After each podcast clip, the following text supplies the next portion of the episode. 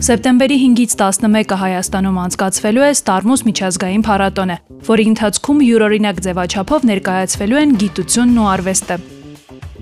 Փառատոնին ընթരാճ իմ ռադիոն պատմում է տիեզերքի հրաշալիքների մասին։ Բովանդակությունը հեղինակել եւ ներկայացնում է տիեզերք նախաձեռնության անդամ Տաթև Չուխուրյանը։ Ինչպես խոստացել էի նախորդ էպիզոդներից մեկում, այս անգամ կպատմեմ մասնավոր տիեզերագնացության առաջինների մասին։ Տիեզերքում հայտնվողների թվում ոչ միայն պրոֆեսիոնալ տիեզերագնացներ են եղել, այլ նաև տիեզերական զբոսաշրջիկներ ու մասնավոր տիեզերագնացներ։ Առաջին տիեզերական զբոսաշրջիկը իտալական արմատներով ամերիկացի գործարար ու ինժեներ Դենիս Տիտոն է։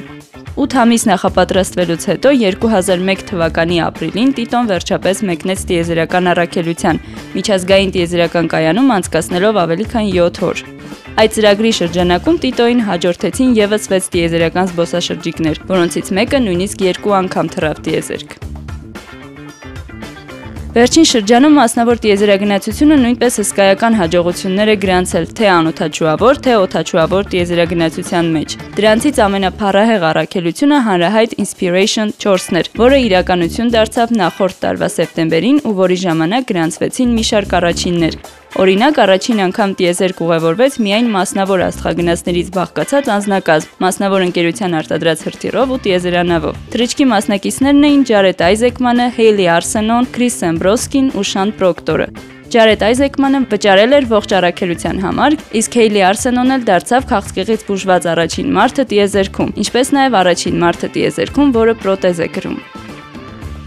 Այս առաքելությանը չէր զիջում նաև Axiom 1 առաքելությունը, որը կայացավ այս տարվա ապրիլին ու որի մասնակիցները կրկին մասնավոր տիեզերագնացներ էին։ Տարբերությունը Inspiration 4-ի ու Axiom 1-ի այն էր, որ առաջինի ժամանակ տիեզերանավը միայնակ էր ճամփորդում երկրի ուղեցրում, իսկ երկրորդի ժամանակ այն կցված էր միջազգային տիեզերական կայանին ու աստղագնացները կայանի ներսում էին ապրում։ Այսպիսով Axiom 1-ը առաջին առաքելությունն էր դեպի միջազգային տիեզերական կայան, որը բաղկացած էր միայն մասնավոր աստղագնացներից։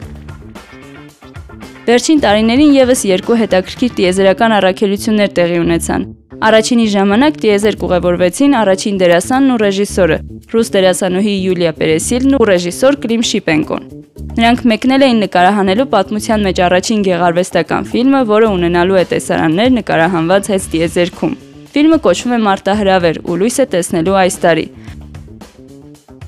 Մեկ այլ հատկանշական առաքելություն էր ճապոնացի միլիարդատեր Յուսակո Մաեզավայի թռիչքը տիեզերք։ Սրանով միլիարդատերը դարձավ առաջին ճապոնացի տիեզերական զբոսաշրջիկը։ Իդեպ Յուսակոն նաև վճարել էր իր հետ կայան անձնական լուսանկարիչ տանելու համար, որը կրկին ճապոնացի Յոզո Հիրանոն էր։ Ճապոնացի միլիարդատերը պլանավորում է նաև լինել առաջին տիեզերական զբոսաշրջիկների շարքում, որոնք կուղևորվեն դեպի լուսին առաքելության։ Հուսով եմ նկատեցիք, թե ինչպես պետական գործակալությունների մակարդակով տեղի ունեցող տիեզերական թռիչքներից սահուն անցում կատարեցինք դեպի մասնավոր տիեզերագնացություն։ Թե տիեզերական զբոսաշրջությունը, թե մասնավոր տիեզերագնացությունը հսկայական աճ են գրանցել վերջին տարիներին ու շարունակում են գրանցել։ Իսկ սա նշանակում է, որ տիեզերք ուղևորվելու համար արդեն պարտադիր չէ պրոֆեսիոնալ աստղագնաց դառնալ։ Ուղղակի կարելի է մեկնել այն վայելելու, ու գուցե մի օր ձեզ էլ բախտ վիճակվի այնտեղ հայտնվել։